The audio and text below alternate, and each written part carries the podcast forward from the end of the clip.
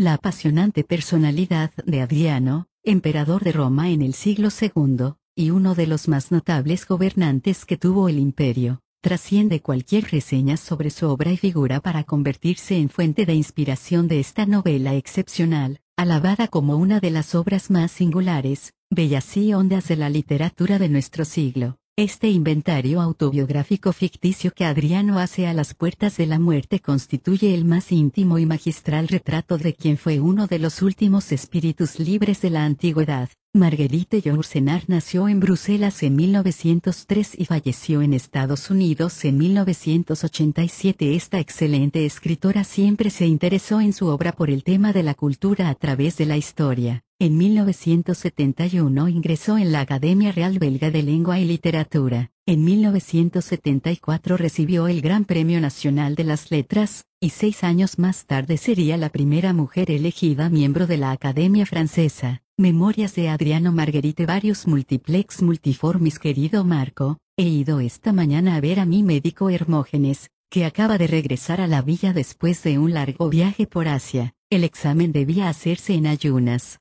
Habíamos convenido encontrarnos en las primeras horas del día. Me tendí sobre un lecho luego de despojarme del manto y la túnica. Te evito detalles que te resultarían tan desagradables como a mí mismo, y la descripción del cuerpo de un hombre que envejece y se prepara a morir de una hidropesía del corazón. Digamos solamente que tosí, respiré y contuve el aliento conforme a las indicaciones de Hermógenes, alarmado a pesar suyo por el rápido progreso de la enfermedad, y pronto a descargar el peso de la culpa en el joven Ñollas, que me atendió durante su ausencia. Es difícil seguir siendo emperador ante un médico, y también es difícil guardar la calidad de hombre. El ojo de Hermógenes solo veía en mí un saco de humores, una triste amalgama de linfa y de sangre. Esta mañana pensé por primera vez que mi cuerpo, ese compañero fiel, ese amigo más seguro y mejor conocido que mi alma, no es más que un monstruo solapado que acabará por devorar a su amo. Haya paz, amo mi cuerpo, me ha servido bien, y de todos modos no le escatimo los cuidados necesarios, pero ya no cuento, como Hermógenes finge contar,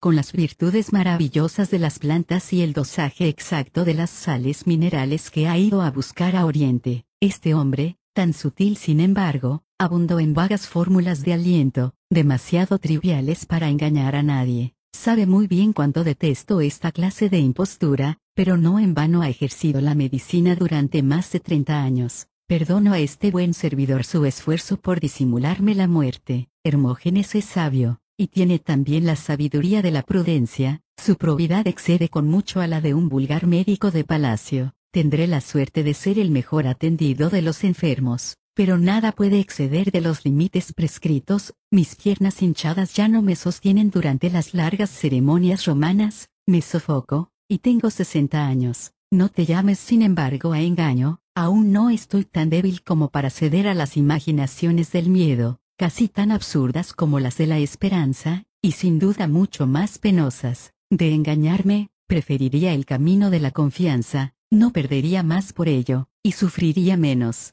Este término tan próximo no es necesariamente inmediato, todavía me recojo cada noche con la esperanza de llegar a la mañana. Dentro de los límites infranqueables de que hablaba, puedo defender mi posición palmo a palmo, y aún recobrar algunas pulgadas el terreno perdido, pero de todos modos he llegado a la edad en que la vida, para cualquier hombre, es una derrota aceptada. Decir que mis días están contados no tiene sentido, así fue, uno siempre, así es para todos, pero la incertidumbre del lugar, de la hora y del modo, que nos impide distinguir con claridad ese fin hacia el cual avanzamos sin tregua, disminuye para mí a medida que la enfermedad mortal progresa. Cualquiera puede morir súbitamente, pero el enfermo sabe que dentro de 10 años ya no vivirá. Mi margen de duda no abarca los años sino los meses. Mis probabilidades de acabar por obra de una puñalada en el corazón o una caída de caballo van disminuyendo cada vez más. La peste parece improbable, se diría que la lepra o el cáncer han quedado definitivamente atrás. Ya no corro el riesgo de caer en las fronteras, golpeado por un hacha caledonia o atravesado por una flecha parta. Las tempestades no supieron aprovechar las ocasiones que se les ofrecían y el hechicero que me predijo que no moriría ahogado parece haber tenido razón. moriré en Tibur, en Roma, o a lo sumo en Nápoles, y una crisis de asfixia se encargará de la tarea. ¿Cuál de ellas me arrastrará, la décima o la centésima? Todo está en eso, como el viajero que navega entre las islas del archipiélago ve alzarse al anochecer la bruma luminosa y descubre poco a poco la línea de la costa, así empiezo a percibir el perfil de mi muerte.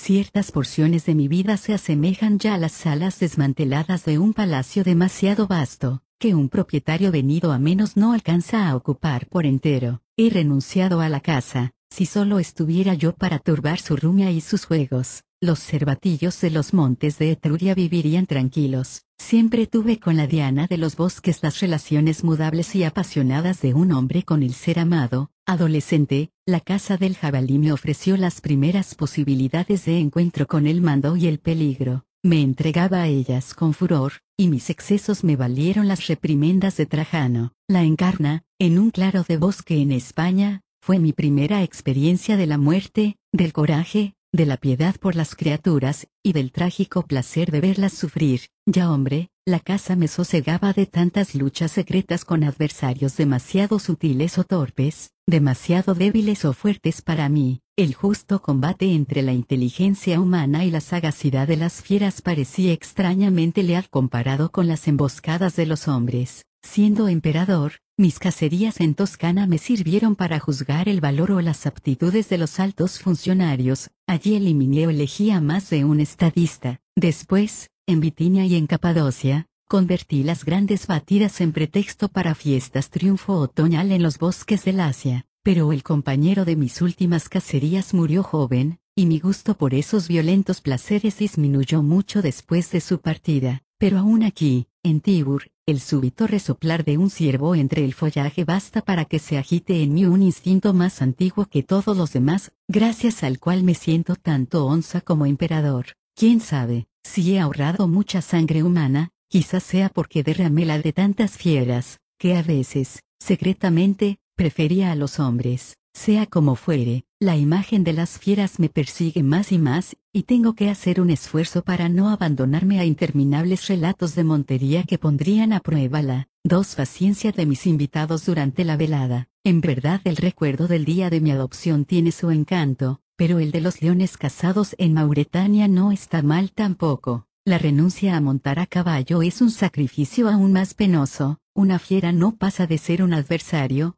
pero el caballo era un amigo. Si hubiera podido elegir mi condición, habría elegido la de centauro. Las relaciones entre Borístenes y yo eran de una precisión matemática, me obedecía como a su cerebro, no como a su amo. Habré logrado jamás que un hombre hiciera lo mismo, una autoridad tan absoluta comporta, como cualquier otra, los riesgos del error para aquel que la ejerce pero el placer de intentar lo imposible en el salto de obstáculos será demasiado grande para lamentar una clavícula fracturada o una costilla rota. Mi caballo reemplazaba las mil nociones vinculadas al título, la función y el nombre, que complican la amistad humana, por el único conocimiento de mi peso exacto de hombre, participaba de mis impulsos, sabía exactamente, y quizá mejor que yo, el punto donde mi voluntad se divorciaba de mi fuerza, pero ya no inflijo al sucesor de Borístenes la carga de un enfermo de músculos laxos, demasiado débil para montar por sus propios medios. Seller,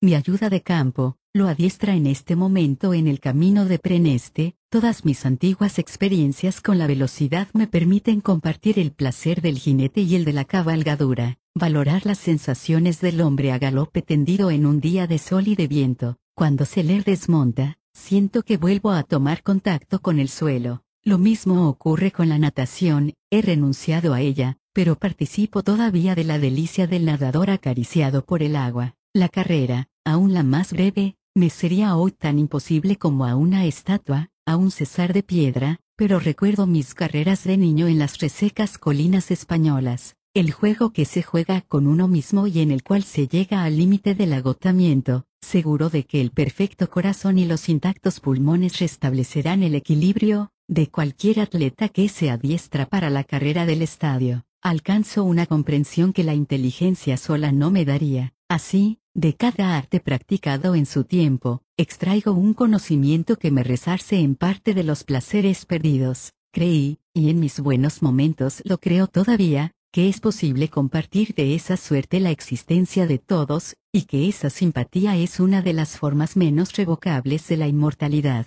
Hubo momentos en que esta comprensión trató de trascender lo humano, y fue del nadador a la ola, pero en este punto me faltan ya seguridades, y entro en el dominio de las metamorfosis del sueño. Comer demasiado es un vicio romano, pero yo fui sobrio con voluptuosidad. Hermógenes no se ha visto precisado a alterar mi régimen, salvo quizá esa impaciencia que me llevaba a devorar lo primero que me ofrecían, en cualquier parte y a cualquier hora, como para satisfacer de golpe las exigencias del hambre. De más está decir que un hombre rico, que solo ha conocido las privaciones voluntarias o las ha experimentado a título provisional, como un incidente más o menos excitante de la guerra o del viaje, sería harto torpe si se jactara de no haberse, tres saciado. Atracarse los días de fiesta ha sido siempre la ambición, la alegría y el orgullo naturales de los pobres. Amaba yo el aroma de las carnes asadas y el ruido de las marmitas en las festividades del ejército, y que los banquetes del campamento, o lo que en el campamento valía por un banquete, fuesen lo que deberían ser siempre, un alegre y grosero contrapeso a las privaciones de los días hábiles. En la época de las Saturnales, toleraba el olor a fritura de las plazas públicas, pero los festines de Roma me llenaban de tal repugnancia y hastío que alguna vez, cuando me creí próximo a la muerte durante un reconocimiento o una expedición militar, me dije para reconfortarme que por lo menos no tendría que volver a participar de una comida. No me infieras la ofensa de tomarme por un vulgar renunciador, una operación que tiene lugar dos o tres veces por día, y cuya finalidad es alimentar la vida, merece seguramente todos nuestros cuidados. Comer un fruto significa hacer entrar en nuestro ser un hermoso objeto viviente, extraño, nutrido y favorecido como nosotros por la tierra, significa consumar un sacrificio en el cual optamos por nosotros frente a las cosas. Jamás mordí la miga de pan de los cuarteles sin maravillarme de que ese amasijo pesado y grosero pudiera transformarse en sangre, en calor, acaso en valentía. Ah, porque mi espíritu, aun en sus mejores días, solo posee uno parte de los poderes asimiladores de un cuerpo. En Roma, durante las interminables comidas oficiales, se me ocurrió pensar en los orígenes relativamente recientes de nuestro lujo, en este pueblo de granjeros parsimoniosos y soldados frugales, alimentados a ajo y a cebada, repentinamente precipitados por la conquista en las cocinas asiáticas y hartándose de alimentos complicados con torpeza de campesinos hambrientos. Nuestros romanos se atiborran de pájaros, se inundan de salsas y se envenenan con especias. Un apicio está orgulloso de la sucesión de las entradas, de la serie de platos agrios o dulces, pesados o ligeros, que componen la bella ordenación de sus banquetes, vaya y pase, todavía, si cada uno de ellos fuera servido aparte, asimilado en ayunas, doctamente saboreado por un gastrónomo de papilas intactas, presentados al mismo tiempo, en una mezcla trivial y cotidiana,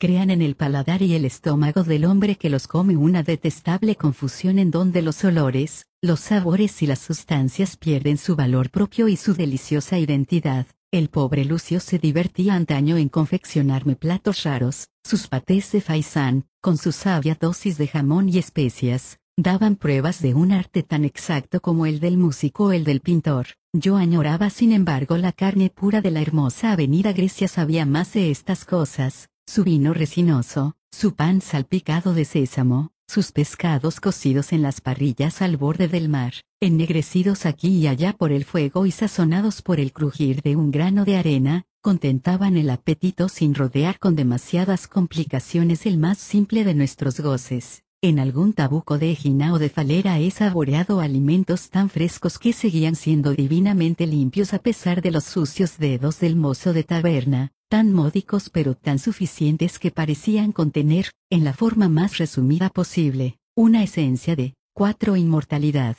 También la carne asada por la noche, después de la casa, tenía esa calidad casi sacramental que nos devolvía más allá, a los salvajes orígenes de las razas. El vino nos inicia en los misterios volcánicos del suelo, en las ocultas riquezas minerales. Una copa de samos bebida a mediodía, a pleno sol, o bien absorbida una noche de invierno, en un estado de fatiga que permite sentir en lo hondo del diafragma su cálido vertimiento, su segura y ardiente dispersión en nuestras arterias, es una sensación casi sagrada, a veces demasiado intensa para una cabeza humana. No he vuelto a encontraría al salir de las bodegas numeradas de Roma, y la pedantería de los grandes catadores de vinos me impacienta, más piadosamente aún, el agua bebida en el hueco de la mano, o de la misma fuente, hace fluir en nosotros la sal secreta de la tierra y la lluvia del cielo, pero aún el agua es una delicia que un enfermo como yo solo debe gustar con sobriedad,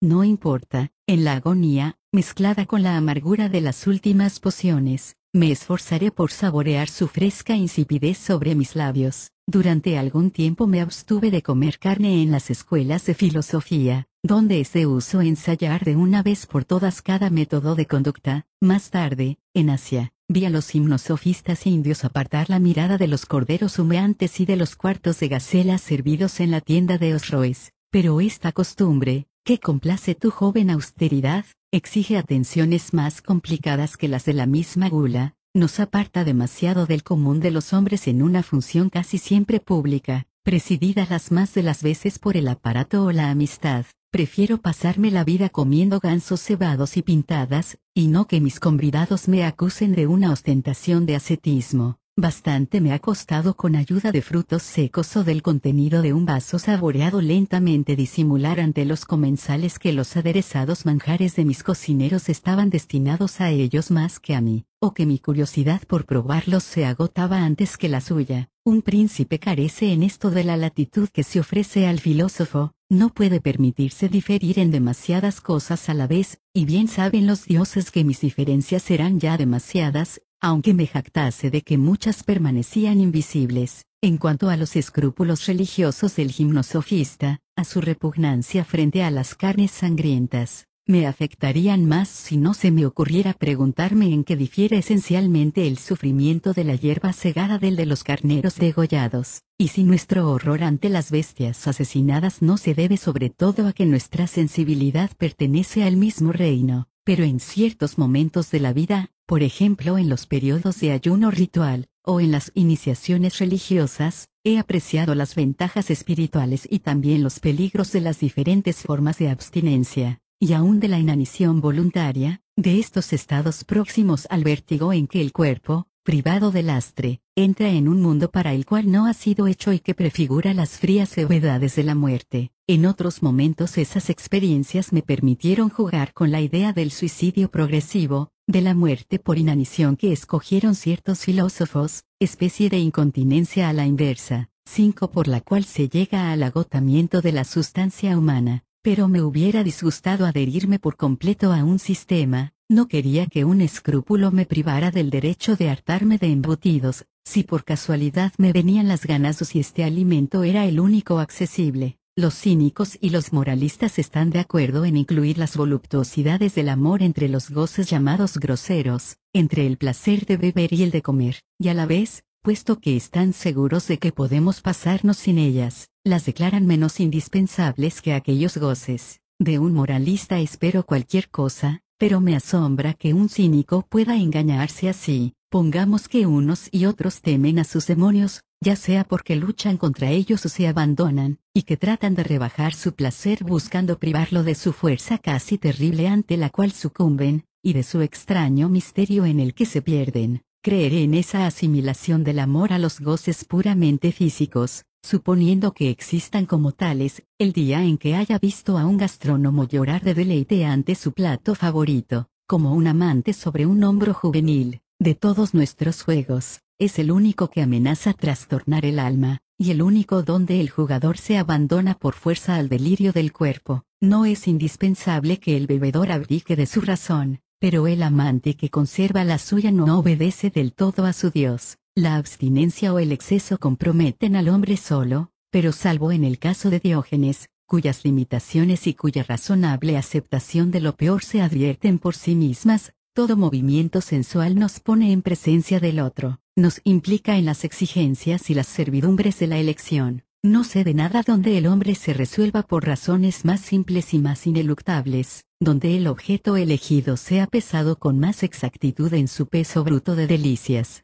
donde el buscador de verdades tenga mayor probabilidad de juzgar la criatura desnuda, partiendo de un despojamiento que iguala el de la muerte, de una humildad que excede la de la derrota y la plegaria, me maravillo de ver restablecerse cada vez la complejidad de las negativas, las responsabilidades, los dones, las tristes confesiones, las frágiles mentiras, los apasionados compromisos entre mis placeres y los del otro, tantos vínculos irrompibles y que sin embargo se desatan tan pronto, el juego misterioso que va del amor a un cuerpo al amor de una persona me ha parecido lo bastante bello como para consagrarle parte de mi vida. Las palabras engañan, puesto que la palabra placer abarca realidades contradictorias, comporta a la vez las nociones de tibieza, dulzura, intimidad de los cuerpos, y las de violencia, agonía y grito. La obscena frasecita de Posidonio sobre el frote de dos parcelas de carne que te he visto copiar en tu cuaderno escolar como un niño aplicado no define el fenómeno del amor,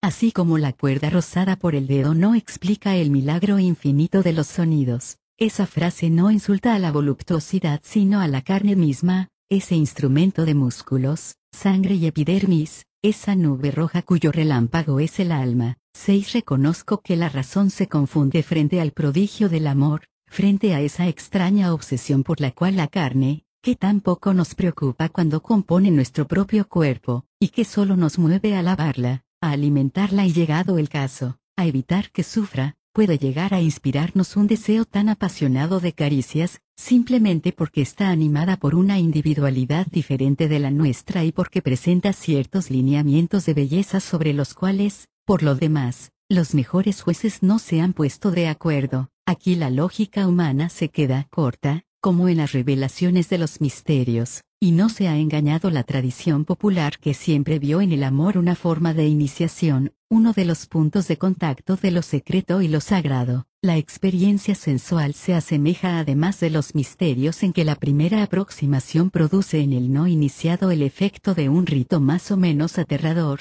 escandalosamente alejado de las funciones familiares del sueño, del beber y del comer, objeto de bromas, de vergüenza o de terror. Al igual que la danza de las ménades o el delirio de los coribantes, nuestro amor nos arrastra a un universo diferente, donde en otros momentos nos está vedado penetrar, y donde cesamos de orientarnos tan pronto el ardor se apaga o el goce se disuelve, clavado en el cuerpo querido como un crucificado a su cruz. He aprendido algunos secretos de la vida que se embotan ya en mi recuerdo, sometidos a la misma ley que quiere que el convaleciente, una vez curado, cese de reconocerse en las misteriosas verdades de su mal, que el prisionero liberado olvide la tortura, o el vencedor ya sobrio la gloria. He soñado a veces con elaborar un sistema de conocimiento humano basado en el erótico, una teoría del contacto en la cual el misterio y la dignidad del prójimo consistirían precisamente en ofrecer al yo el punto de apoyo de ese otro mundo. En una filosofía semejante, la voluptuosidad sería una forma más completa, pero también más especializada, de este acercamiento al otro, una técnica al servicio del conocimiento de aquello que no es uno mismo. Aún en los encuentros menos sensuales, la emoción nace o se alcanza por el contacto, la mano un tanto repugnante de esa vieja que me presenta un petitorio, la frente húmeda de mi padre agonizante, la llaga de un herido que curamos. Las relaciones más intelectuales o más neutras se operan asimismo a través de este sistema de señales del cuerpo, la mirada súbitamente comprensiva del tribuno al cual explicamos una maniobra antes de la batalla, el saludo impersonal de un subalterno a quien nuestro paso fija en una actitud de obediencia, la ojeada amistosa del esclavo cuando le doy las gracias por traerme una bandeja, o el mohín apreciativo de un viejo amigo frente al camafeo griego que le ofrecemos. En el caso de la mayoría de los seres, los contactos más ligeros y superficiales bastan para contentar nuestro deseo, y aún para hartarlo, si insisten, multiplicándose en torno de una criatura única hasta envolverla por entero, si cada parcela de un cuerpo se llena para nosotros de tantas significaciones trastornadoras como los rasgos de un rostro, si un solo ser, en vez de inspirarnos irritación, placer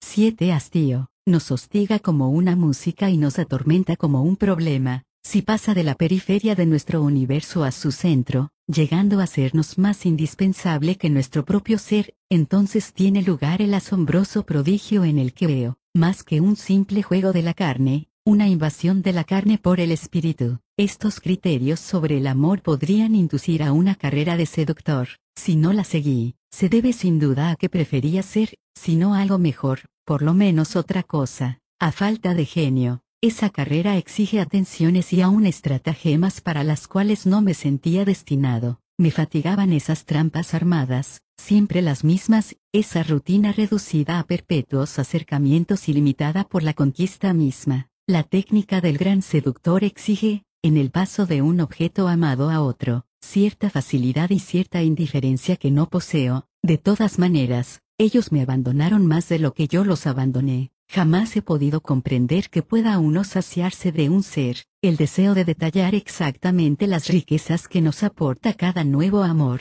de verlo cambiar, envejecer quizá, no se concilia con la multiplicidad de las conquistas. Creí antaño que cierto gusto por la belleza me serviría de virtud, inmunizándome contra las solicitaciones demasiado groseras, pero me engañaba. El catador de belleza termina por encontrarla en todas partes, filón de oro en las venas más innobles, y goza, al tener en sus manos esas obras maestras fragmentarias, manchadas o rotas, un placer de entendido que colecciona a solas una alfarería que otros creen vulgar. Para un hombre refinado, la eminencia en los negocios humanos significa un obstáculo más grave, pues el poder casi absoluto entraña riesgos de adulación o de mentira. La idea de que un ser se altera y cambia en mi presencia por poco que sea, puede llevarme a compadecerlo, despreciarlo u odiarlo. He sufrido estos inconvenientes de mi fortuna tal como un pobre sufre los de su miseria. Un paso más, y hubiera aceptado la ficción consistente en pretender que se seduce, cuando en realidad se domeña. Pero allí empieza el riesgo del asco, o quizá de la tontería. Acabaríamos prefiriendo las simples verdades del libertinaje a las tan sabidas estratagemas de la seducción, si en aquellas no reinara también la mentira. Estoy pronto a admitir en principio que la prostitución puede ser un arte como el masaje o el peinado, pero me cuesta ya sentirme a gusto en manos del barbero o los masajistas. Nada puede ser más grosero que nuestros cómplices.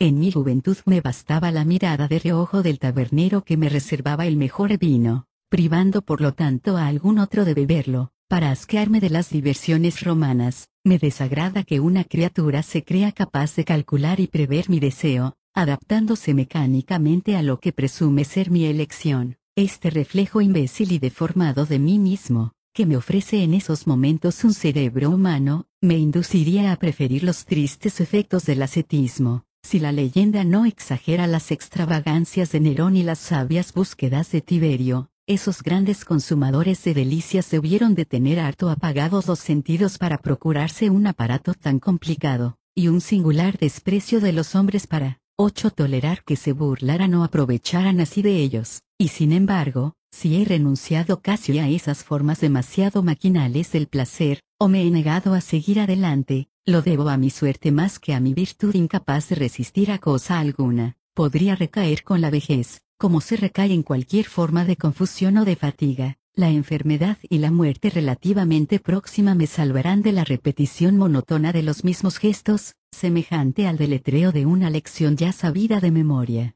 De todas las felicidades que lentamente me abandonan, el sueño es una de las más preciosas y también de las más comunes. Un hombre que duerme poco y mal, apoyado en una pila de almohadones, tiene tiempo para meditar sobre esta voluptuosidad particular. Concedo que el sueño más perfecto sigue siendo casi por necesidad un anexo del amor, reposo reflejo, reflejado en dos cuerpos, pero lo que aquí me interesa es el misterio específico del sueño por el sueño mismo, la inevitable sumersión que noche a noche cumple osadamente el hombre desnudo, solo y desarmado, en un océano donde todo cambia, los colores y las densidades, hasta el ritmo del aliento, y donde nos encontramos con los muertos. Lo que nos tranquiliza en el sueño es que volvemos a salir de él, y que salimos inmutables, pues una interdicción extraña nos impide traer con nosotros el residuo exacto de nuestros ensueños. También nos tranquiliza el que nos cure de la fatiga, pero esa cura temporaria se cumple por el más radical de los procedimientos, el de dejar de ser,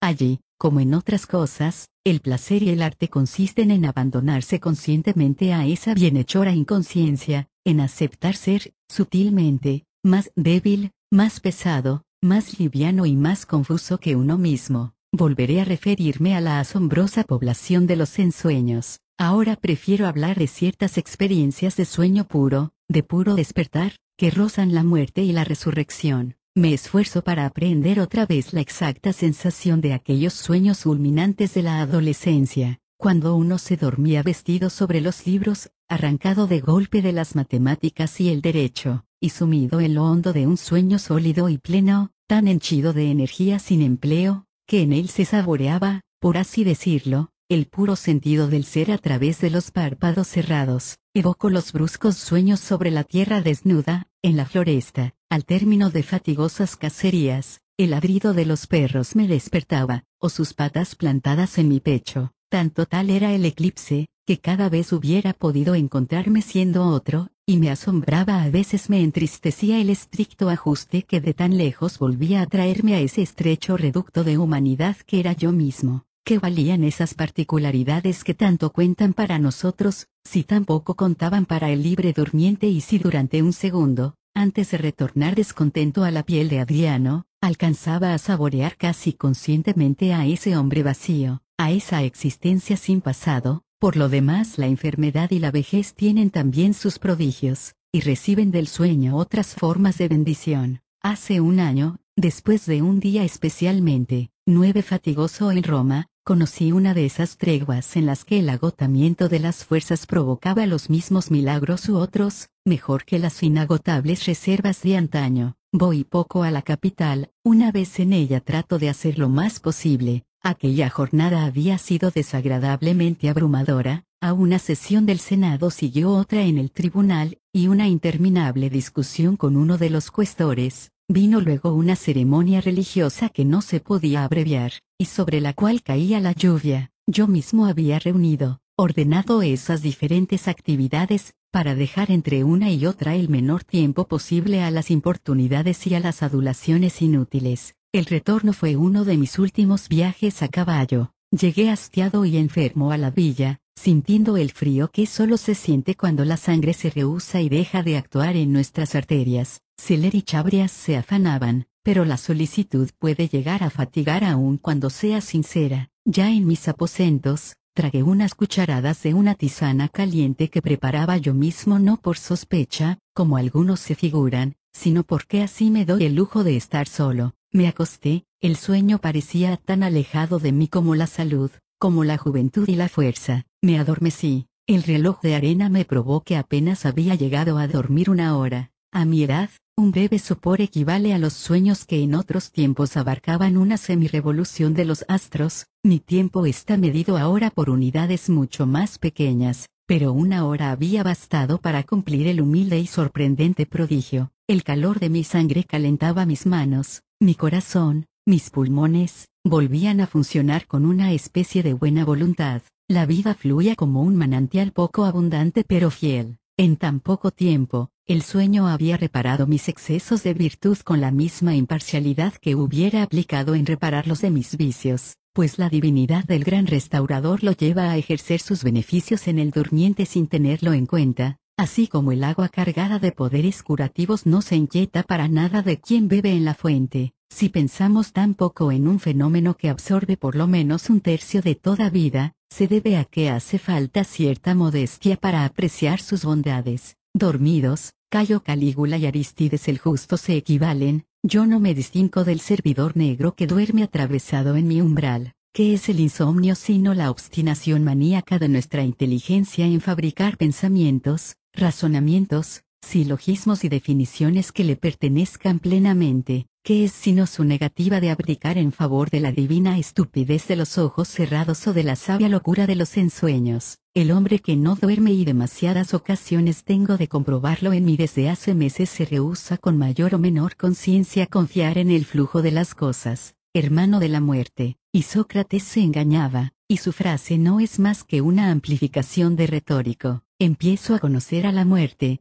tiene otros secretos, aún más ajenos a nuestra actual condición de hombres, y sin embargo, tan entretejidos y profundos son estos misterios de ausencia y de olvido parcial, que sentimos claramente confluir en alguna parte la fuente blanca y la fuente sombría. Nunca me gustó mirar dormir a los seres que, diez amaba, descansaban de mí, lo sé, y también se me escapaban. Todo hombre se avergüenza de su rostro contaminado de sueño. ¿Cuántas veces, al levantarme temprano para estudiar o leer, ordené con mis manos las almohadas revueltas, las mantas en desorden, evidencias casi obscenas de nuestros encuentros con la nada, pruebas de que cada noche dejamos de ser, comenzada para informarte de los progresos de mi mal, esta carta se ha convertido poco a poco en el esparcimiento de un hombre que ya no tiene la energía necesaria para ocuparse en detalle de los negocios del Estado. Meditación escrita de un enfermo que da audiencia a sus recuerdos. Ahora me propongo más, tengo intención de contarte mi vida, como correspondía, el año pasado preparé un informe oficial sobre mis actos, en cuyo encabezamiento estampo su nombre mi secretario Flegón. He mentido allí lo menos posible, de todas maneras, el interés público y la decencia me forzaron a reajustar ciertos hechos. La verdad que quiero exponer aquí no es particularmente escandalosa, o bien lo es en la medida en que toda verdad es escándalo. Lejos de mí esperar que tus 17 años comprendan algo de esto, sin embargo me propongo instruirte, y aún desagradarte. Tus preceptores, elegidos por mí, te han impartido una educación severa, celosa, quizás demasiado aislada, de la cual en suma espero un gran bien para ti y para el Estado. Te ofrezco, como correctivo, un relato libre de ideas preconcebidas y principios abstractos extraídos de la experiencia de un solo hombre yo mismo. Ignoro las conclusiones a que me arrastrará mi narración, Cuento con este examen de hechos para definirme, quizá para juzgarme, o por lo menos para conocerme mejor antes de morir.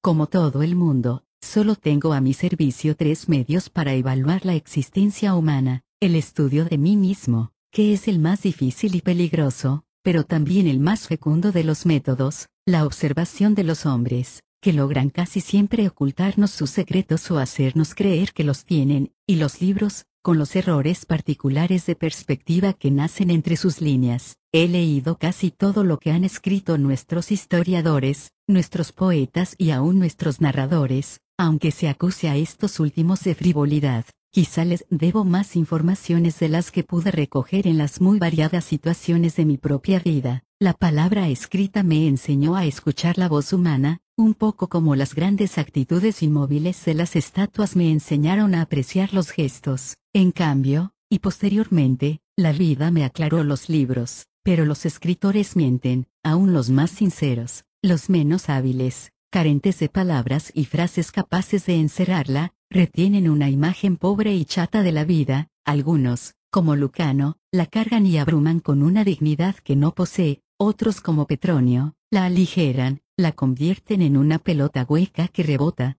fácil de recibir y lanzar en un universo sin peso. Los poetas nos transportan a un mundo más vasto o más hermoso, más ardiente o más dulce que el que nos ha sido dado, once diferente de él y casi inhabitable en la práctica. Para estudiarla en toda su pureza, los filósofos hacen sufrir a la realidad casi las mismas transformaciones que el fuego o el mortero hacen sufrir a los cuerpos. En esos cristales o en esas cenizas nada parece subsistir de un cero de un hecho tales como los conocimos. Los historiadores nos proponen sistemas demasiado completos del pasado, series de causas y efectos harto exactas y claras como para que hayan sido alguna vez verdaderas, reordenan esa dócil materia muerta, y sé que aún a Plutarco se le escapará siempre Alejandro. Los narradores, los autores de fábulas milesias, hacen como los carniceros, exponen en su tabanco pedacitos de carne que las moscas aprecian. Mucho me costaría vivir en un mundo sin libros, pero la realidad no está en ellos, puesto que no cabe entera. La observación directa de los hombres es un método aún más incompleto,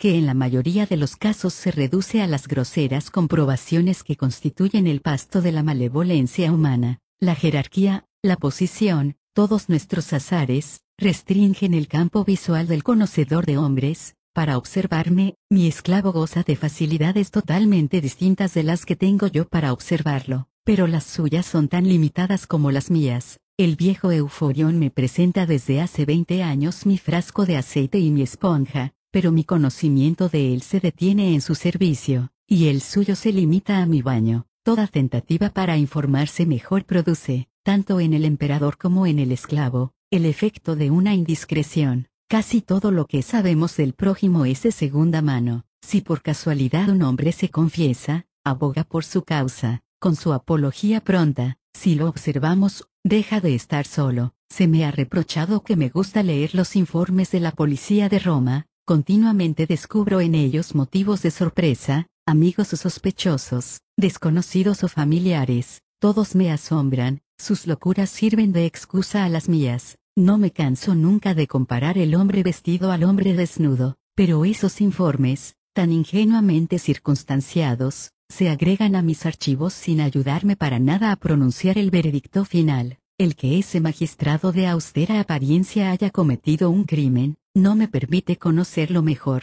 me veo en presencia de dos fenómenos en vez de uno, la apariencia del magistrado y su crimen. En cuanto a la observación de mí mismo, me obligo a ella aunque solo sea para llegar a un acuerdo con ese individuo con quien me veré forzado a vivir hasta el fin. Pero una familiaridad de casi 60 años guarda todavía muchas posibilidades de error.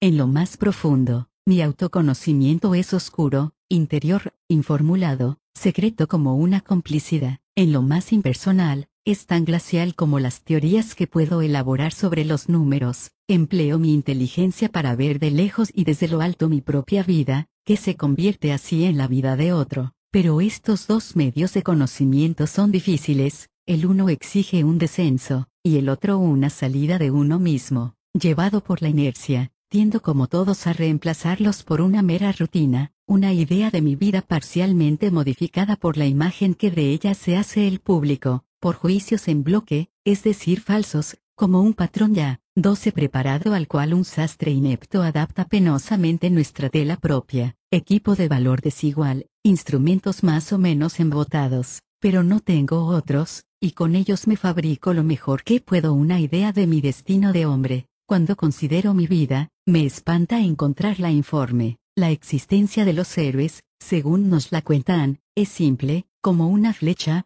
va en línea recta a su fin, y la mayoría de los hombres gusta resumir su vida en una fórmula, a veces jactanciosa o quejumbrosa, casi siempre recriminatoria, el recuerdo les fabrica, complaciente, una existencia explicable y clara. Mi vida tiene contornos menos definidos, como suele suceder, lo que no fui es quizá lo que más ajustadamente la define, buen soldado pero en modo alguno hombre de guerra, aficionado al arte, pero no ese artista que Nerón creyó ser al morir, capaz de cometer crímenes, pero no abrumado por ellos. Pienso a veces que los grandes hombres se caracterizan precisamente por su posición extrema, su heroísmo está en mantenerse en ella toda la vida, son nuestros polos, son nuestros antípodas. Yo ocupé sucesivamente todas las posiciones extremas, pero no me mantuve en ellas, la vida me hizo resbalar siempre, y sin embargo no puedo jactarme, como un agricultor o un mozo de cordel virtuosos, de una existencia situada en el justo medio. El paisaje de mis días parece estar compuesto, como las regiones montañosas, de materiales diversos amontonados sin orden alguno. Veo allí mi naturaleza, ya compleja, formada por partes iguales de instinto y de cultura. Aquí y allá afloran los granitos de lo inevitable, por doquier, los desmoronamientos del azar, Trato de recorrer nuevamente mi vida en busca de su plan, seguir una vena de plomo o de oro, o el fluir de un río subterráneo, pero este plan ficticio no es más que una ilusión óptica del recuerdo. De tiempo en tiempo, en un encuentro, un presagio, una serie definida de sucesos, me parece reconocer una fatalidad, pero demasiados caminos no llevan a ninguna parte, y demasiadas sumas no se adicionan. En esta diversidad y este desorden, Percibo la presencia de una persona, pero su forma está casi siempre configurada por la presión de las circunstancias, sus rasgos se confunden como una imagen reflejada en el agua. No soy de los que afirman que sus acciones no se les parecen, muy al contrario, pues ellas son mi única medida, el único medio de grabarme en la memoria de los hombres y aún en la mía propia. Quizás sea la imposibilidad de seguir expresándose y modificándose por la acción lo que constituye la diferencia entre un muerto y un ser viviente, pero entre yo y los actos que me constituyen existe un hiato indefinible. La prueba está en que sin cesar siento la necesidad de pensarlos, explicarlos, justificarlos ante mí mismo. Ciertos trabajos que duraron poco son despreciables, pero otras ocupaciones que abarcaron toda mi vida no me parecen más significativas. En el momento de escribir esto, Por ejemplo, no me parece esencial haber sido emperador. De todas maneras, tres cuartos de mi vida escapan a esta definición por los actos, la masa de mis veleidades, mis deseos, hasta de mis proyectos, sigue siendo tan nebulosa y huidiza como un fantasma. El resto, la parte palpable, más o menos, trece autentificada por los hechos, apenas si es más distinta, y la sucesión de los acaecimientos se presenta tan confusa como la de los sueños. Poseo mi cronología propia, imposible de acordar con la que se basa en la fundación de Roma o la era de las Olimpiadas. Quince años en el ejército duraron menos que una mañana de Atenas. Sé de gentes a quienes he frecuentado toda mi vida y que no reconoceré en los infiernos. También los planos del espacio se superponen, Egipto y el valle de Tempe se hallan muy próximos, y no siempre estoy en Tibur cuando estoy ahí, de pronto mi vida me parece trivial, no solo indigna de ser escrita, sino aún de ser contemplada con cierto detalle, y tan poco importante, hasta para mis propios ojos, como la del primero que pasa, de pronto me parece única, y por eso mismo sin valor, inútil por irreductible a la experiencia del común de los hombres. Nada me explica, mis vicios y mis virtudes no bastan, mi felicidad vale algo más, pero a intervalos, sin continuidad, y sobre todo sin causa aceptable. Pero el espíritu humano siente repugnancia a aceptarse de las manos del azar, a no ser más que el producto pasajero de posibilidades que no están presididas por ningún Dios, y sobre todo por él mismo. Una parte de cada vida, y aún de cada vida insignificante, transcurre en buscar las razones de ser, los puntos de partida, las fuentes. Mi impotencia para descubrirlos me llevó a veces a las explicaciones mágicas, a buscar en los delirios de lo oculto lo que el sentido común no alcanzaba a darme. Cuando los cálculos complicados resultan falsos, cuando los mismos filósofos no tienen ya nada que decirnos, es excusable volverse hacia el parloteo fortuito de las aves, o hacia el lejano contrapeso de los astros. 14. Mi abuelo Marulino creía en los astros. Aquel anciano demacrado, de rostro amarillento, me concedía el mismo afecto sin ternura, sin signos exteriores y casi sin palabras, que tenía por los animales de su granja, sus tierras, su colección de piedras caídas del cielo. Descendía de una vasta línea de antepasados establecidos en España desde la época de los escipiones. Era de jerarquía senatorial, y tercero del mismo nombre, hasta entonces nuestra familia había pertenecido al orden ecuestre. Bajo el reinado de Tito, mi abuelo había participado modestamente en las actividades públicas. Este provinciano ignoraba el griego, y hablaba el latín con un ronco acento español que me transmitió y que más tarde fue motivo de risa. Pero su espíritu no era completamente inculto, a su muerte se halló en su casa un saco lleno de instrumentos de matemáticas y de libros que no había tocado en veinte años. Tenía conocimientos semicientíficos, semicampesinos, la misma mezcla de prejuicios estrechos y añeja sabiduría que caracterizaron a Catón el Viejo. Pero Catón fue toda su vida el hombre del Senado romano y de la guerra de Cartago, el exacto representante de la dura Roma republicana. La dureza casi impenetrable de Marulino remontaba más atrás, a épocas más antiguas. Era el hombre de la tribu, la encarnación de un mundo sagrado y casi aterrador,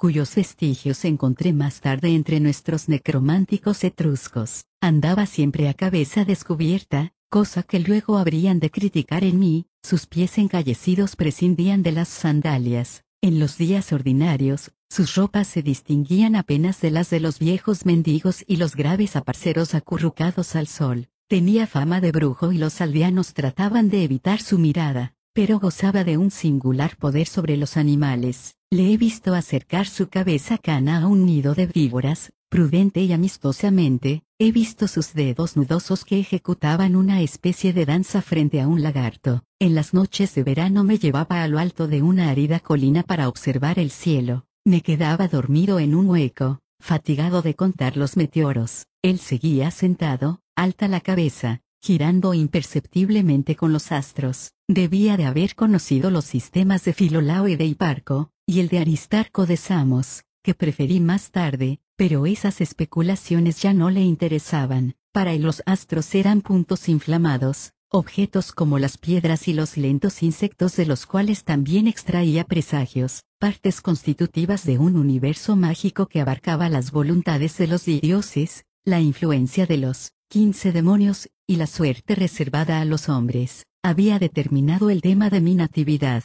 Una noche vino a mí, me sacudió para despertarme y me anunció el imperio del mundo con el mismo laconismo gruñón que hubiera empleado para predecir una buena cosecha a las gentes de la granja. Luego, presa de desconfianza, fue a sacar una tea del pequeño fuego de sarmientos que mantenía para calentarnos en las horas de frío. La acercó a mi mano y leyó en mi espesa palma de niño de 11 años no sé qué confirmación de las líneas inscritas en el cielo. El mundo era para él un solo bloque, una mano confirmaba los astros. Su noticia me conmovió menos de lo que podía creerse, un niño lo espera siempre todo. Creo que después se olvidó de su profecía, sumido en esa indiferencia a los sucesos presentes y futuros que es propia de la ancianidad. Lo encontraron una mañana en el bosque de castaños de los confines del dominio, ya frío y picoteado por las aves de presa. Antes de morir había tratado de enseñarme su arte. No tuvo éxito. Mi curiosidad natural saltaba de golpe a las conclusiones sin preocuparse por los detalles complicados y un tanto repugnantes de su ciencia, pero quedó en mí el gusto por ciertas experiencias peligrosas. Mi padre, Elioafer Adriano, era un hombre abrumado de virtudes, su vida transcurrió en administraciones sin gloria, su voz no contó jamás en el Senado, contrariamente a lo que suele ocurrir,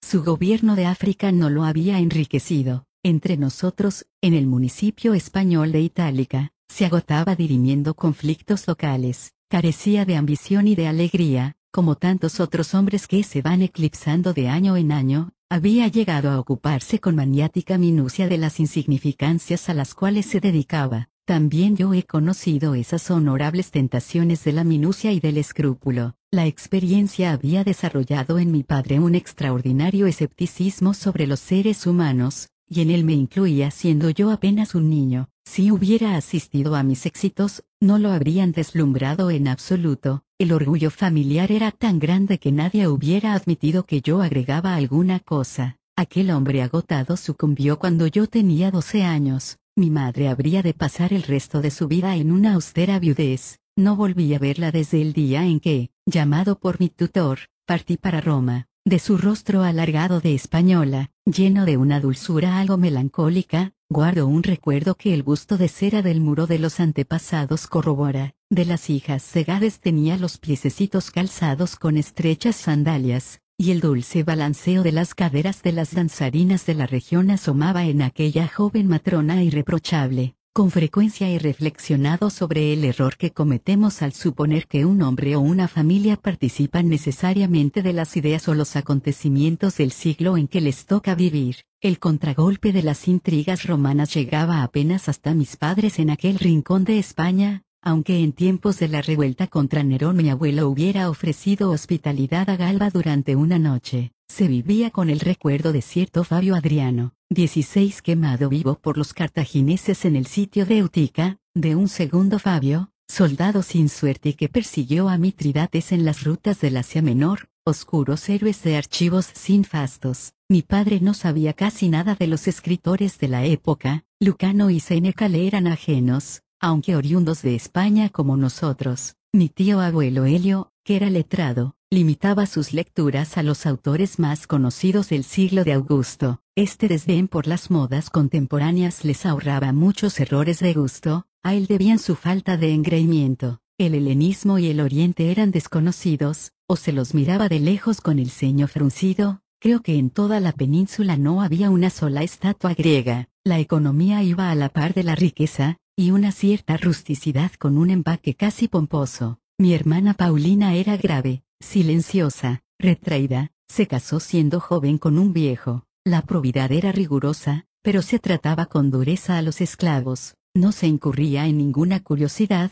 limitándose a pensar en todo lo que convenía a un ciudadano romano. Yo he debido de ser el disipador de tantas virtudes, si realmente se trataba de virtudes. La ficción oficial quiere que un emperador romano nazca en Roma, pero nací en Itálica, más tarde habría de superponer muchas otras regiones del mundo a aquel pequeño país pedregoso. La ficción tiene su lado bueno, prueba que las decisiones del espíritu y la voluntad priman sobre las circunstancias. El verdadero lugar de nacimiento es aquel donde por primera vez nos miramos con una mirada inteligente, mis primeras patrias fueron los libros, y, en menor grado, las escuelas. Las de España se resentían del ocio provinciano. La escuela de Terencio Scauro, en Roma, proporcionaba una enseñanza mediocre sobre las filosofías y los poetas, pero preparaba bastante bien para las vicisitudes de la existencia humana. Los maestros ejercían sobre los alumnos un despotismo que yo me avergonzaría de imponer a los hombres, encerrados en los estrechos límites de su saber, cada uno despreciaba a sus colegas que poseían otros conocimientos igualmente estrechos. Aquellos pedantes se desgañitaban disputándose sobre palabras, las querellas de precedencia, las intrigas, las calumnias, me familiarizaron con lo que debería encontrar más tarde en todos los círculos donde viví, y a ello se agregaba la brutalidad de la infancia. No obstante llegué a querer a algunos de mis maestros, a esas relaciones extrañamente íntimas y extrañamente elusivas que existen entre el profesor y el alumno, y a las sirenas cantando en lo hondo de una voz cascada que por primera vez nos revela una obra maestra o nos explica una idea nueva. Después de todo, el más grande seductor no es Alcibiades sino Sócrates, los métodos de los gramáticos y los rectores eran quizá menos absurdos de lo que yo creía en la época en que me hallaba sometido a ellos. La gramática, con su mezcla de regla lógica y de uso arbitrario, propone al joven las primicias de lo que más tarde le ofrecerán las ciencias de la conducta humana, el derecho o la moral, todos los sistemas donde el hombre ha codificado su experiencia instintiva. En cuanto a los ejercicios de retórica, en los que éramos sucesivamente ejergesi, 17 Temístocles, Octavio y Marco Antonio, me embriagaron, me sentí proteo, por ellos aprendí a penetrar sucesivamente en el pensamiento de cada hombre, a comprender que cada uno se decide, vive y muere conforme a sus propias leyes. La lectura de los poetas tuvo efectos todavía más trastornadores, no estoy seguro de que el descubrimiento del amor sea por fuerza más delicioso que el de la poesía. Me transformé, la iniciación a la muerte no me hará entrar más profundamente en otro mundo que un crepúsculo dicho por Virgilio. Más tarde preferí la rudeza de Ennio, tan próximo a los orígenes sagrados de la raza, a la sapiente amargura de Lucrecio, a la generosa soltura de Homero antepuse la humilde parsimonia de Hesíodo, gusté por sobre todo de los poetas más complicados y oscuros, que someten mi pensamiento a una difícil gimnástica, los más recientes o los más antiguos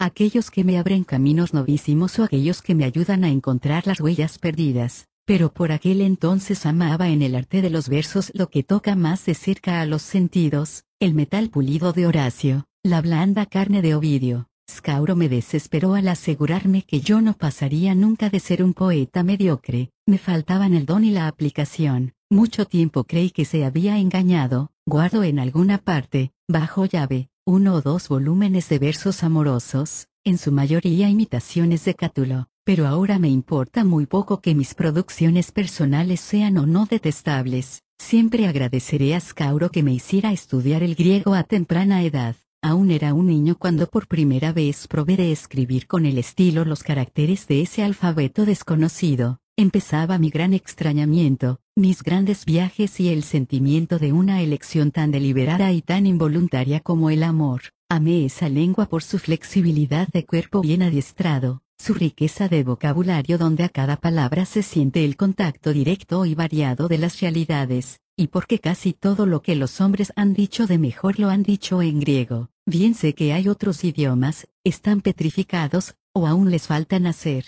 Los sacerdotes egipcios me mostraron sus antiguos símbolos, signos más que palabras, antiquísimos esfuerzos por clasificar el mundo y las cosas, habla sepulcral de una raza muerta. Durante la guerra con los judíos, el rabino Josué me explicó literalmente ciertos textos de esa lengua de sectarios, tan obsesionados por su Dios, que han desatendido lo humano. En el ejército me familiaricé con el lenguaje de los auxiliares celtas, me acuerdo sobre todo de ciertos cantos, pero las jergas bárbaras valen a lo sumo por las reservas que proporcionan la palabra, y por todo lo que sin duda expresarán en el porvenir. En cambio el griego tiene tras de él tesoros de experiencia, la del hombre y la del Estado, de los tiranos jonios a los demagogos de Atenas, de la pura austeridad de un Agesilao o los excesos de un Dionisio o de un Demetrio, de la traición de Dimarates a la fidelidad de Filopemen, todo lo que cada uno de nosotros puede intentar para perder a sus semejantes o para servirlos, ha sido hecho ya alguna vez por un griego, y lo mismo ocurre con nuestras elecciones personales, del cinismo al idealismo, del escepticismo de Pirrón a los sueños. 18 sagrados de Pitágoras, nuestras negativas o nuestros asentimientos ya han tenido lugar,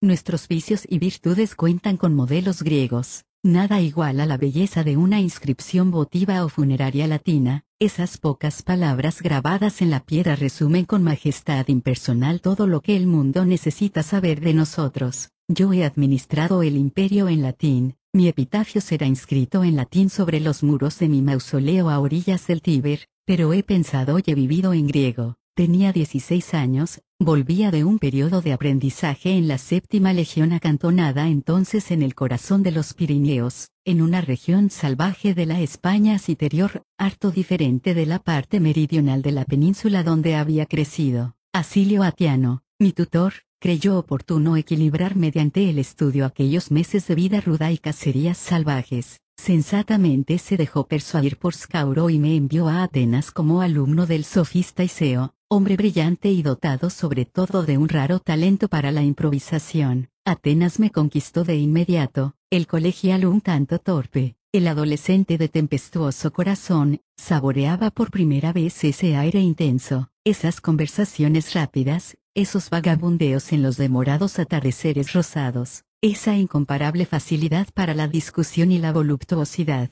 las matemáticas y las artes investigaciones paralelas me ocuparon sucesivamente, Tuve así ocasión de seguir en Atenas un curso de medicina de Leotiquidas. Me hubiera agradado la profesión de médico, su espíritu no difiere en esencia del que traté de aplicar a mi oficio de emperador. Me apasioné por esa ciencia demasiado próxima a nosotros para no ser incierta, para no estar sujeta a la infatuación y al error, pero a la vez rectificada de continuo por el contacto de lo inmediato, de lo desnudo. Leotiquidas tomaba las cosas en la forma más positiva posible, había elaborado un admirable sistema de reducción de fracturas. Por la tarde nos paseábamos a orillas del mar, aquel hombre universal se preocupaba por la estructura de los caracoles y la composición de los limos marinos, le faltaban medios experimentales, añoraba los laboratorios y las salas de disección del Museo de Alejandría, que había frecuentado en su juventud, el choque de las opiniones, la ingeniosa competencia de los hombres, espíritu seco, me enseñó a preferir las cosas a las palabras, a desconfiar de las fórmulas, a observar más que a juzgar. Aquel áspero griego me enseñó el método. A pesar de las leyendas que me rodean, he amado muy poco la juventud,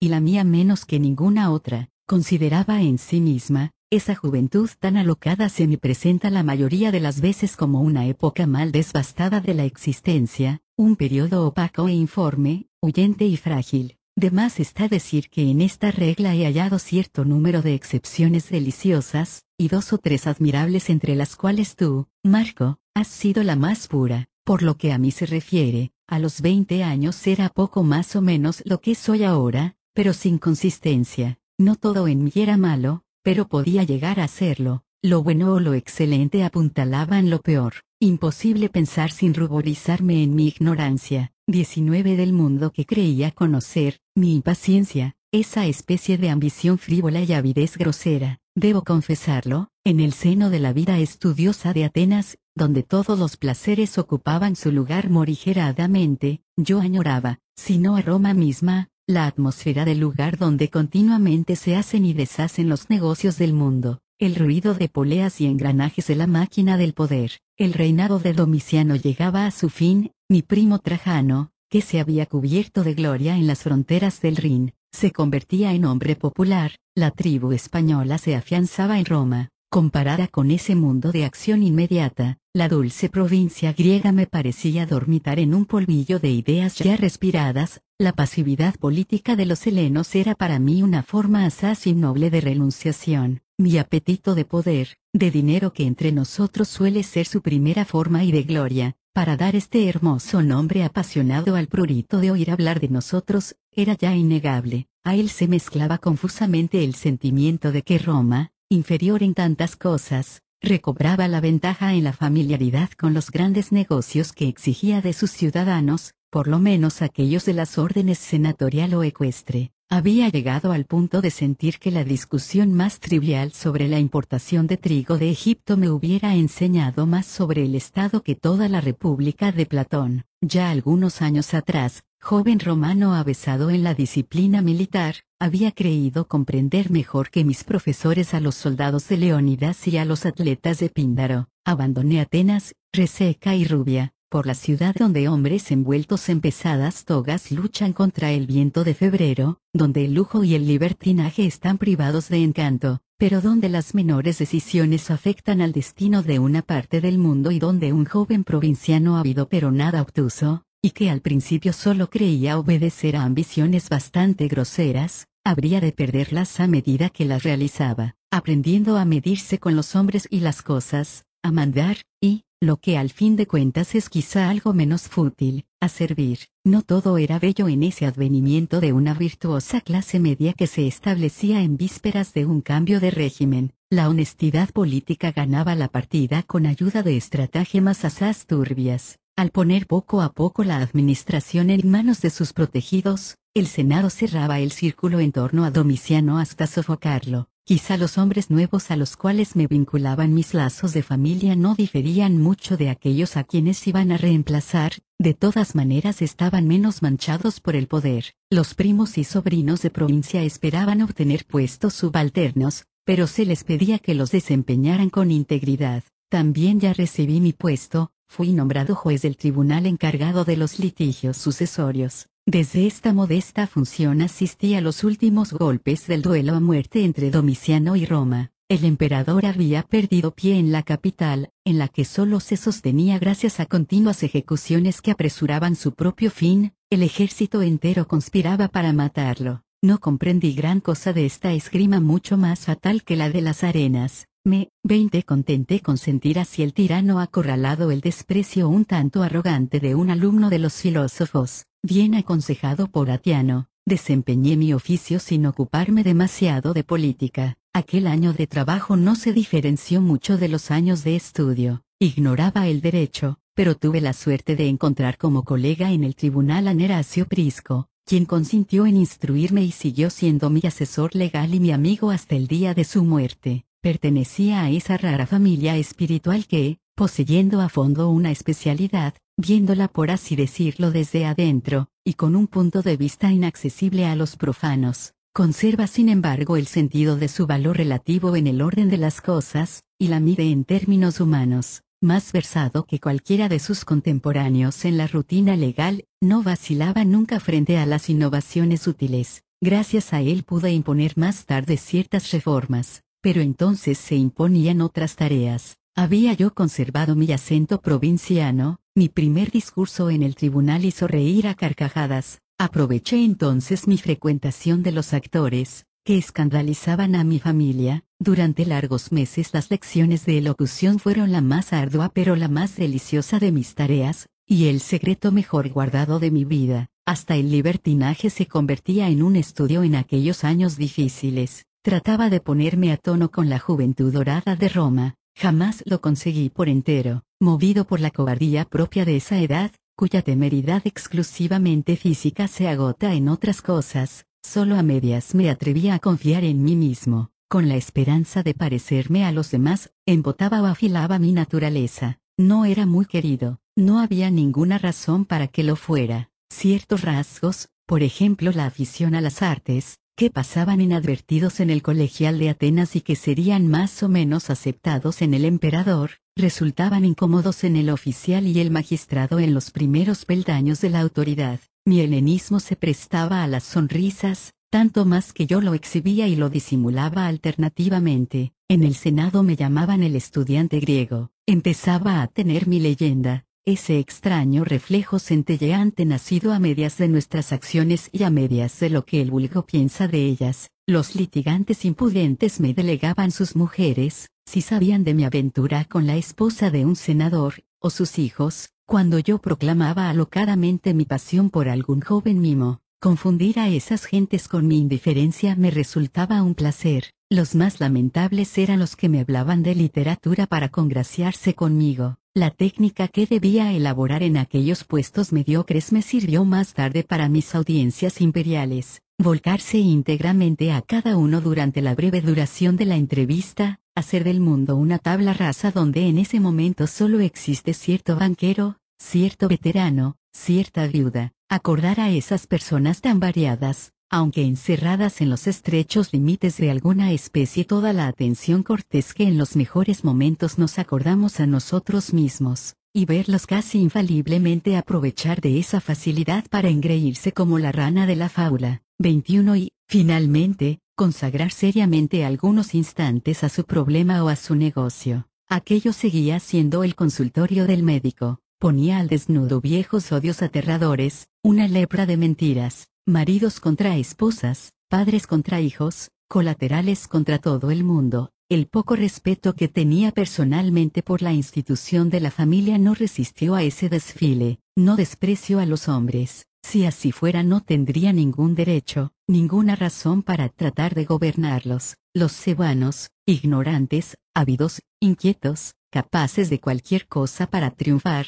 para hacerse valer, incluso ante sus propios ojos, o simplemente para evitar sufrir, lo sé, soy como ellos, al menos por momentos, o hubiera podido serlo. Entre el prójimo y yo las diferencias que percibo son demasiado desdeñables como para que cuenten en la suma final. Me esfuerzo pues para que mi actitud esté tan lejos de la fría superioridad del filósofo como de la arrogancia del César. Los hombres más opacos emiten algún resplandor, este asesino toca bien la flauta, ese contramaestre que desgarra a latigazos la espalda de los esclavos es quizá un buen hijo, ese idiota compartiría conmigo su último mendrugo, y pocos hay que no puedan enseñarnos alguna cosa. Nuestro gran error está en tratar de obtener de cada uno en particular las virtudes que no posee, descuidando cultivar aquellas que posee, a la búsqueda de esas virtudes fragmentarias aplicaré aquí lo que decía antes, voluptuosamente, de la búsqueda de la belleza. He conocido seres infinitamente más nobles, más perfectos que yo, como Antonino,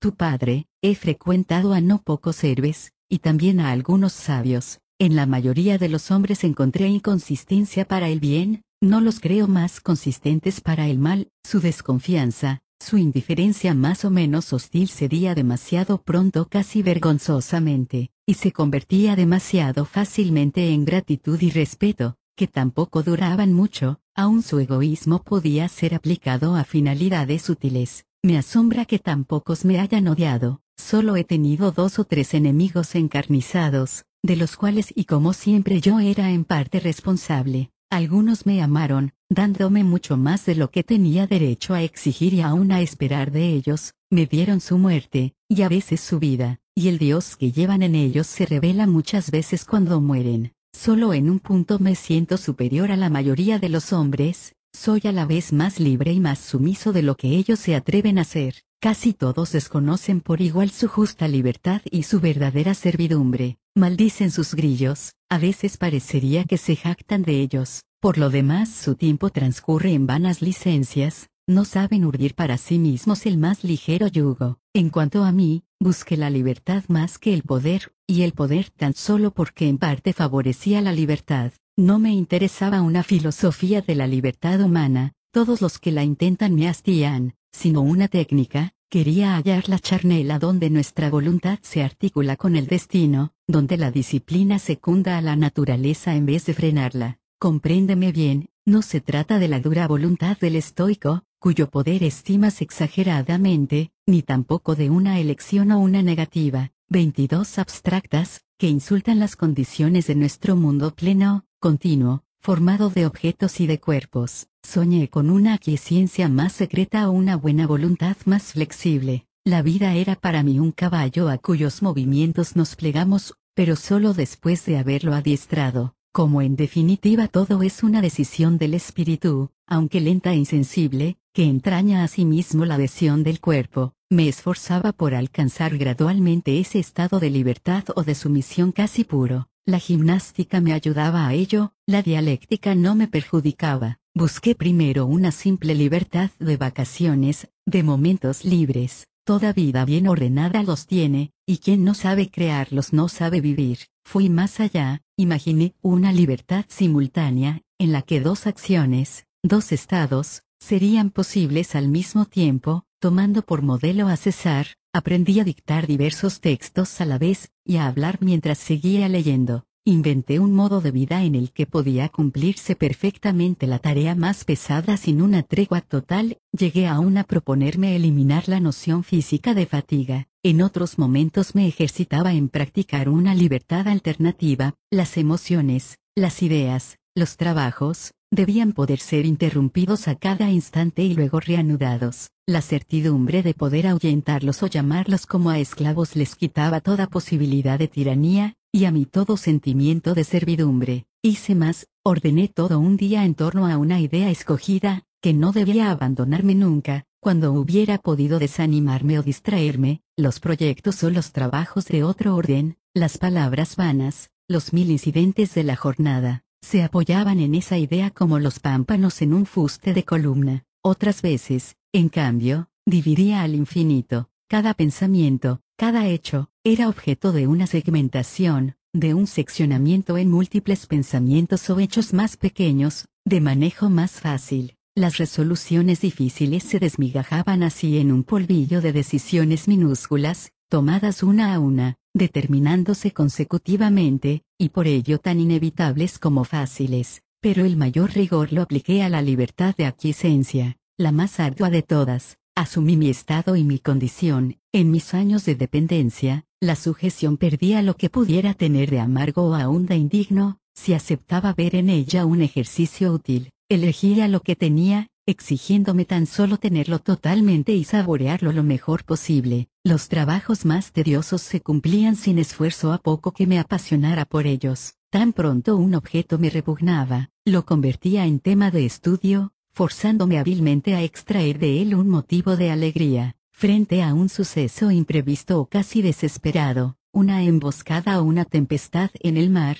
una vez adoptadas todas las medidas concernientes a los demás, me consagraba a festejar el azar, a gozar de lo que me traía de inesperado. La emboscada o la tormenta se integraban sin esfuerzo en mis planes o en mis ensueños. Aún en la hora de mi peor desastre, he visto llegar el momento en que el agotamiento lo privaba de una parte de su horror, en que yo lo hacía mío al aceptarlo. Si alguna vez me toca sufrir la tortura y sin duda la enfermedad se encargará de someterme a 23 ella, no estoy seguro de conservar mucho tiempo la impasibilidad de un trasea, pero al menos me quedará el recurso de resignarme a mis gritos, y en esta forma, con una mezcla de reserva y audacia, de sometimiento y rebelión cuidadosamente concertados, de exigencia extrema y prudentes concesiones, he llegado finalmente a aceptarme a mí mismo, de haberse prolongado en exceso, esa vida en Roma me hubiera agriado, corrompido o gastado, me salvó el reingreso en el ejército, que también tiene sus compromisos pero más sencillos, la incorporación significaba viajar, y me puse en marcha lleno de júbilo, había sido nombrado tribuno en la décima legión, la coadjutora, pasé a orillas del Alto Danubio algunos meses lluviosos de otoño, sin otro compañero que un libro de Plutarco que acababa de aparecer.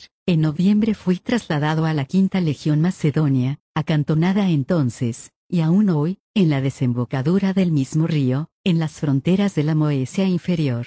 La nieve que bloqueaba las rutas me impidió viajar por tierra. Embarqué en Pola, y apenas tuve tiempo de visitar otra vez Atenas, donde más tarde habría de vivir largo tiempo. La noticia del asesinato de Domiciano, anunciada a los pocos días de mi llegada al campamento, no asombró a nadie y alegró a todo el mundo. Trajano no tardó en ser adoptado por Nerva, la avanzada edad del nuevo príncipe daba a esta sucesión un carácter perentorio. La política de conquistas, en la que mi primo se proponía lanzar a Roma según era notorio, los reagrupamientos de tropas que empezaban a cumplirse, la severidad progresiva de la disciplina, mantenían al ejército en un estado de efervescencia y expectativa. Aquellas legiones lanubianas funcionaban con la precisión de una máquina de guerra bien engrasada, no se parecían en nada a las soñolientas guarniciones que yo había conocido en España. Lo que es más importante, la atención del ejército había dejado de concentrarse en las querellas de palacio, para fijarse en los asuntos exteriores del imperio. nuestras tropas no se reducían ya a una banda de electores prontos a aclamar o a degollar a cualquiera. Los oficiales más inteligentes se esforzaban por distinguir un plan general en esas reorganizaciones de las que participaban, por prever el futuro nacional y no solamente el suyo propio.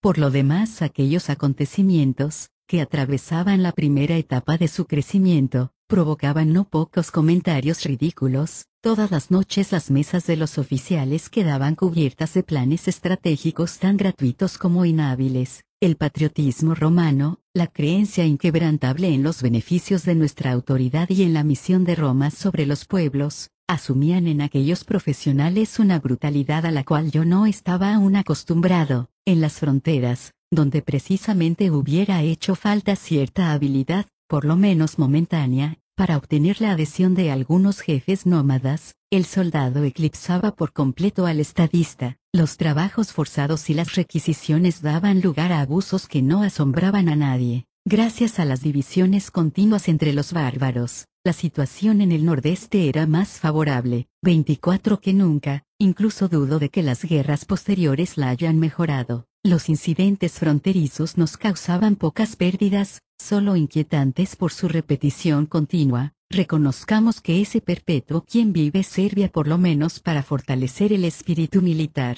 estaba persuadido sin embargo de que un menor número de demostraciones, unido al ejercicio de una mayor actividad mental, hubiera bastado para someter a ciertos jefes, para ganar la adhesión de los otros y decidí consagrarme a esta última tarea que todo el mundo desdeñaba. Impulsábame a ello mi gusto por el extrañamiento, me placía frecuentar a los bárbaros, aquel gran país situado entre las bocas del Danubio y las de Borístenes, triángulo del cual recorrí por lo menos dos lados, se cuenta entre las regiones más sorprendentes del mundo, al menos para nosotros, hombres nacidos a orillas del mar interior, habituados a los paisajes puros y secos del sur, a las colinas y penínsulas, allí adoré a la diosa tierra, como aquí adoramos a la diosa Roma, y no hablo de seres sino de una divinidad más antigua, anterior a la invención de los cultivos. Nuestro suelo griego o latino, sostenido por la osamenta de las rocas, posee la elegancia ceñida de un cuerpo masculino, la tierra escita tenía la abundancia algo pesada de un cuerpo reclinado de mujer, la llanura solo acababa en el cielo, Frente al milagro de los ríos mi maravilla no tenía fin, aquella vasta tierra vacía era tan solo una pendiente y un lecho para ellos. Nuestros ríos son cortos, y jamás nos sentimos lejos de sus fuentes, pero el enorme caudal que acababa aquí en confusos estuarios, arrastraba consigo los limos de un continente desconocido, los cielos de regiones inhabitables, el frío de una meseta española no es inferior a ningún otro, pero por primera vez me hallaba cara a cara con el verdadero invierno, que en nuestras regiones solo hace apariciones más o menos breves, mientras allá se mantiene durante largos meses, y más al norte se lo adivina inmutable, sin comienzo ni fin. La noche de mi llegada al campo, el Danubio era una inmensa ruta de hielo rojo, y más tarde de hielo azul, en la que el trabajo interior de las corrientes marcaba huellas tan hondas como las de los carros, nos protegíamos del frío con pieles. La presencia de ese enemigo impersonal, casi abstracto, provocaba una exaltación extraordinaria,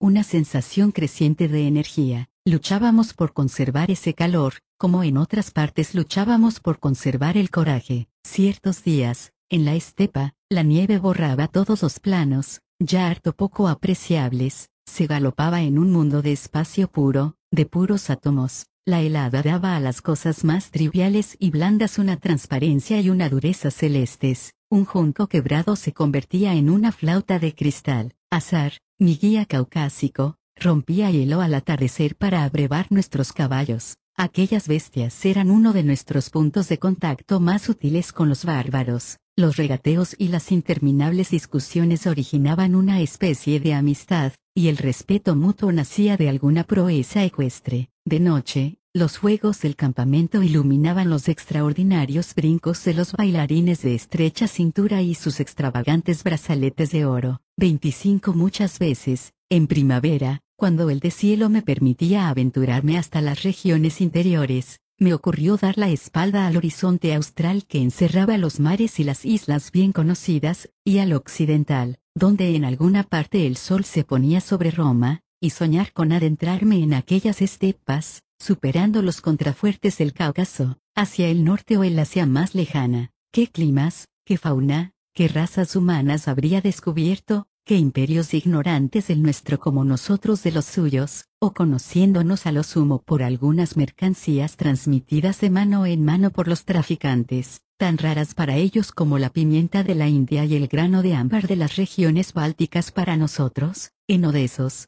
un negociante que volvía después de un viaje de muchos años me regaló una piedra verde semitransparente, al parecer una sustancia sagrada procedente de un inmenso reino cuyos bordes había costeado, y cuyas costumbres y dioses no habían despertado el interés de aquel hombre sumido en la estrechez de su ganancia. La extraña gema me produjo el mismo efecto que una piedra caída del cielo, meteoro de otro mundo. Conocemos aún muy mal la configuración de la Tierra, pero no comprendo que uno pueda resignarse a esa ignorancia. Envidio a aquellos que lograrán dar la vuelta a los 250.000 estadios griegos también calculados por Eratóstenes y cuyo recorrido nos traería otra vez al punto de partida. Me imaginaba a mí mismo tomando la simple decisión de seguir adelante por el sendero que reemplazaba nuestras rutas. Jugaba con esa idea, estar solo, sin bienes, sin prestigio, sin ninguno de los beneficios de una cultura, exponiéndose en medio de hombres nuevos, entre azares vírgenes, ni que decir que era un sueño, el más breve de todos. Aquella libertad que me inventaba solo existía a la distancia, muy pronto hubiera recreado todo lo que acababa de abandonar,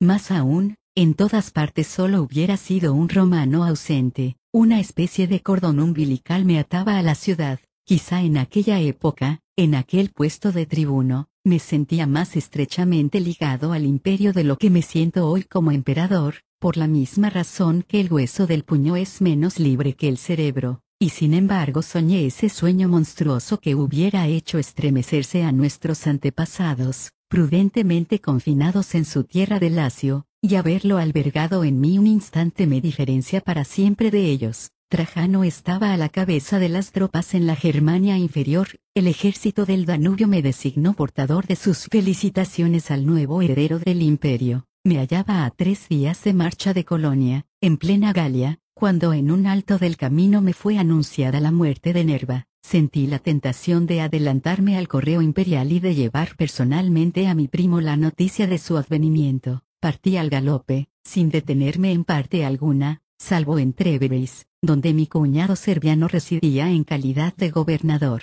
Cenamos juntos. La alocada cabeza de Serviano estaba llena de vapores imperiales, hombre tortuoso, empeñado en, 26 perjudicarme o por lo menos en impedirme agradar, concibió el plan de adelantárseme enviando su propio correo a Trajano. Dos horas después fui atacado al vadear un río, los asaltantes hirieron a mi ordenanza y mataron nuestros caballos. Pudimos sin embargo apoderarnos de uno de los agresores, antiguo esclavo de mi cuñado, quien confesó todo. Serviano hubiera debido darse cuenta de que no es tan fácil impedir que un hombre resuelto continúe su camino, a menos de matarlo, y era demasiado cobarde para llegar a ese punto. Tuve que hacer doce millas a pie antes de dar con un campesino que me vendiera su caballo. Llegué esa misma noche a Colonia, aventajando apenas al correo de mi cuñado. Esta especie de aventura tuvo éxito, y el ejército me recibió con un entusiasmo acrecentado. El emperador me retuvo a su lado en calidad de tribuno de la Segunda Legión, la Fiel. Había recibido la noticia de su advenimiento con admirable desenvoltura. Hacía mucho que la esperaba, y sus proyectos no cambiaban en absoluto. Seguía siendo el de siempre, el que sería hasta su muerte, un jefe, pero había tenido la virtud de adquirir, gracias a una concepción totalmente militar de la disciplina, una idea de lo que es el orden en el Estado. Todo, por lo menos al principio, giraba en torno a esta idea, incluso sus planes de guerra y sus proyectos de conquista. Emperador soldado, pero en modo alguno soldado emperador. Nada cambió en su vida, su modestia prescindía tanto de la afectación como del empaque. Mientras el ejército se regocijaba, él asumía sus nuevas responsabilidades como parte del trabajo cotidiano, y mostraba a sus íntimos una sencilla satisfacción. Yo le inspiraba muy poca confianza. 24 años mayor que yo, mi primo era mi cotutor desde la muerte de mi padre, cumplía sus obligaciones familiares con seriedad provinciana, estaba pronto a hacer lo imposible para ayudarme si mostraba ser digno, y a tratarme con más rigor que nadie si resultaba incompetente. Se había enterado de mis locuras de muchacho con una indignación en modo alguno injustificada, pero que solo se da en el seno de las familias, por lo demás mis deudas lo escandalizaban mucho más que mis travesuras. Otros rasgos de mi carácter lo inquietaban, poco cultivado, sentía un respeto conmovedor por los filósofos y los letrados, pero una cosa es admirar de lejos a los grandes filósofos y otra tener a su lado a un joven teniente demasiado teñido de literatura, no sabiendo dónde se situaban mis principios, mis contenciones, mis frenos, me suponía desprovisto de ellos y sin recursos contra mí mismo. De todas maneras, Jamás había yo cometido el error de descuidar el servicio. Mi reputación